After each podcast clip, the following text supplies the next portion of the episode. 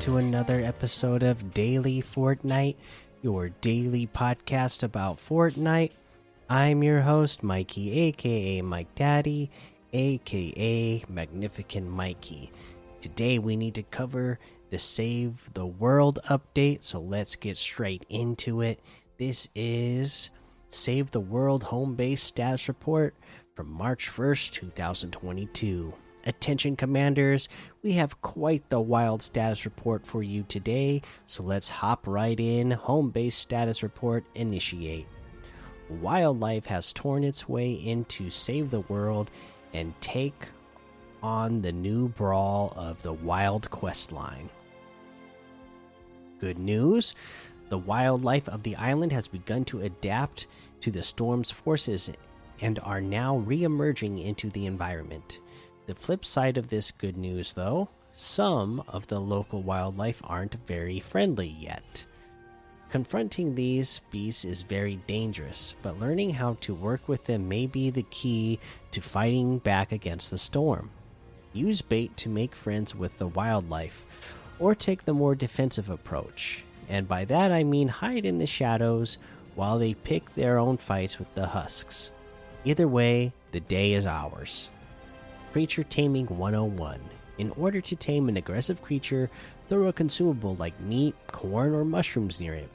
While they are too distracted by the bait to focus on attacking you, go up and interact with them. This act of kindness shows the wildlife that you are a friend, not food, which will encourage them to follow your lead. Home Base has got your back in terms of weapon slot usage. We've added a new consumable slot for things like the newly added pet consumables M80s, impulse grenades, porta forts, etc. One thing we considered when making these new consumables was to not break existing hero loadouts that specifically focus on using consumables. Things like coconuts, sub wafers, and cannonballs will remain bound to weapon slots to prevent any clashing with pet consumables. No, coconuts, cannonballs, and sub wafers will be able to be slotted in the consumable slot in a future update to further free up weapon space. Tamed wildlife will help you for the remainder of the mission, but once you return to your home base, they will return to the wild. Commanders can tame only one wildlife at a time, so choose your companion wisely.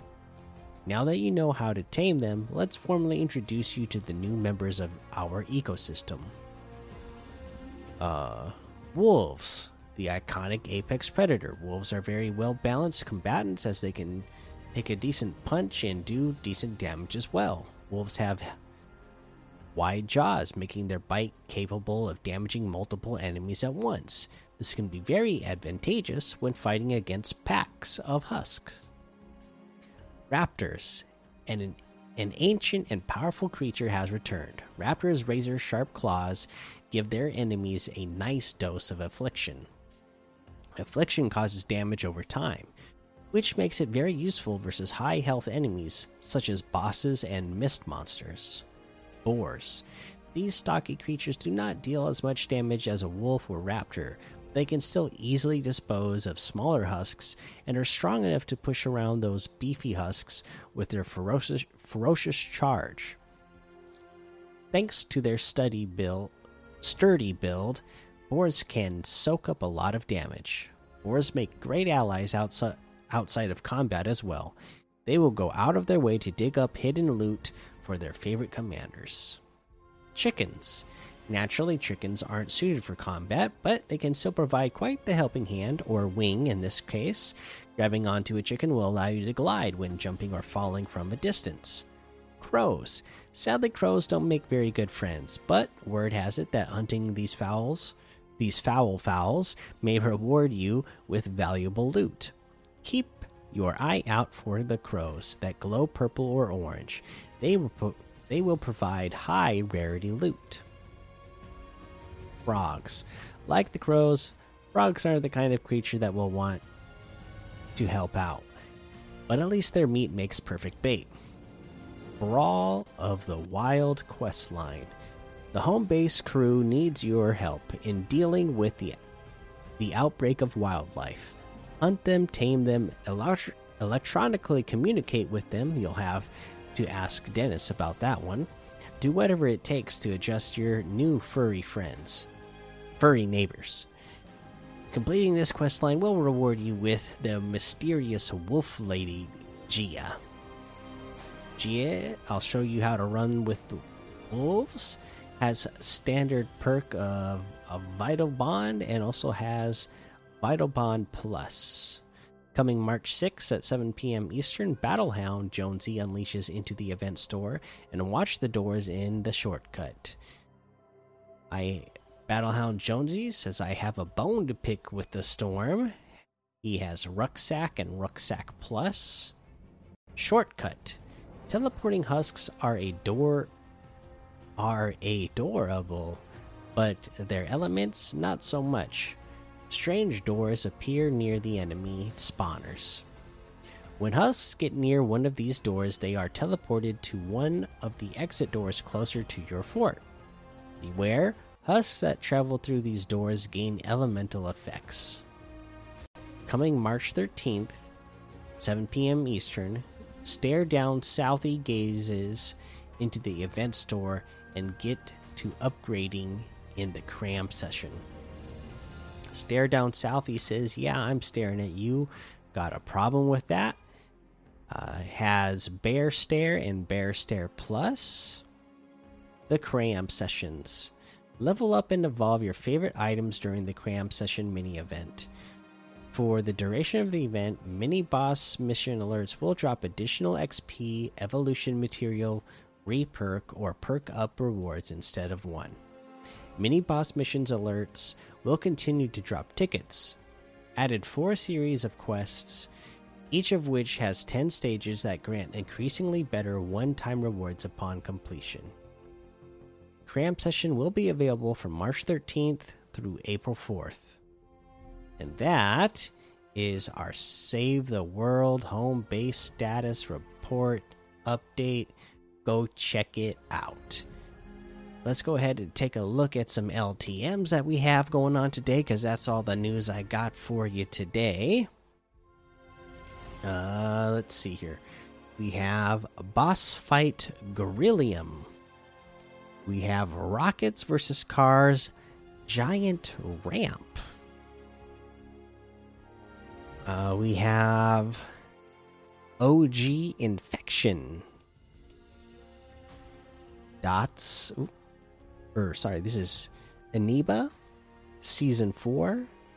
Dots and boxes. Uh, Llama Runners, Pro Ghost versus Shadow TDM, Color Block Gun Game. Let's see, what else do we have in here? True Town Zone Wars. Box Fight and Zone Wars Merge Slide, Big Tree Prop Hunt, Blue Pit Free for All, and a whole lot more to be discovered in the Discover tab. Let's head on over. Oh, no, wait. No, no. We got to look at the quest because we got some new quests today. My goodness. I almost forgot. Let's go ahead and take a look here at week 13 quests. Let's go over the list Using Spider Man's web shooters, swing under an arch at Desert Arch, Big Bridge, or Covered Bridge. Use a chug splash at a gas station. You need to just do one. Throw a med kit, bandages, or any shield potion while sliding. Need to do this three times in total. Open produce boxes at Condo Canyon or Sleepy Sound, five in total. Gather metal at Wreck Ravine, Windbreakers, or Rustaway Shores, 100 in total. Damage opponents with the Striker Pump Shotgun, 200. Collect bars, 300. And that is our list of quests for week 13. We'll give you some tips on how to get these done throughout the rest of the week let's head on over to the item shop now and see what we have in the item shop. Hmm, we have our Marvel items still here. The Monarch level up quest pack still here. Uh, we have the FNCS Chapter 3 Season 1 Champion outfit with the Victory Strikes loading screen still here for 800. The Winner's Mark back bling for 200. Still have that Infinite Hype music for 200. Again, this is a great track. Uh, we have the Dawn outfit with the Beam Bag back bling for 1,500.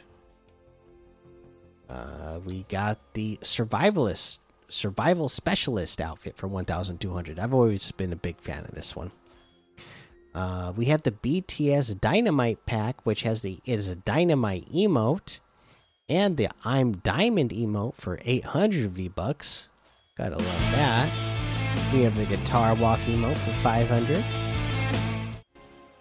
the blinding lights emote for 500 Waterworks emote for 200. Ooh, one of my most favorite outfits, the Tsuki outfit with the Tana back bling for 1200. The Copper Wasp outfit with the Striped Stalker back bling for 1500.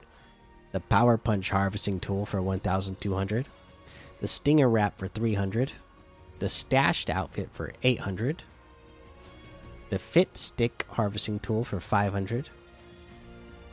Uh, we have, oh, the Naomi uh, Osaka bundle items uh, are here now. Talked about the other day. We have Naomi Osaka outfit. She's here to win.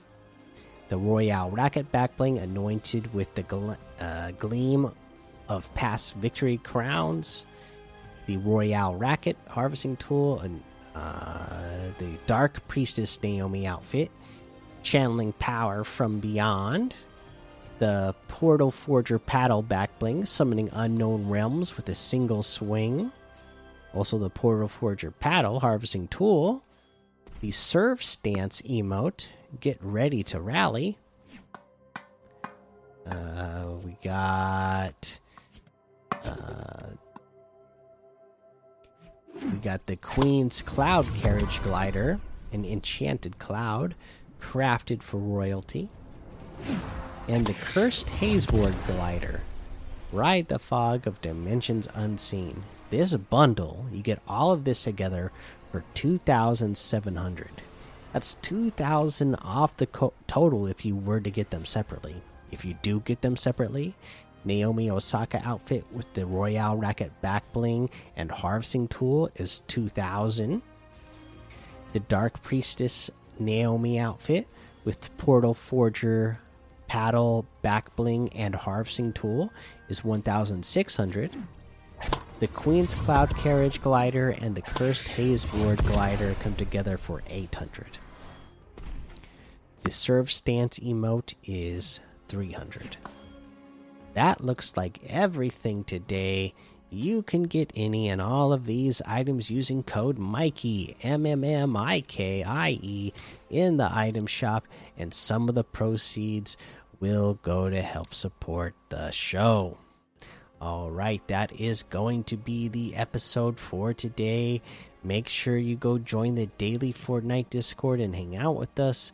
Follow me over on Twitch, Twitter, and YouTube head over to Apple Podcasts, leave a five star rating and a written review for a shout out on the show. Make sure you subscribe so you don't miss an episode. And until next time, have fun, be safe, and don't get lost in the storm.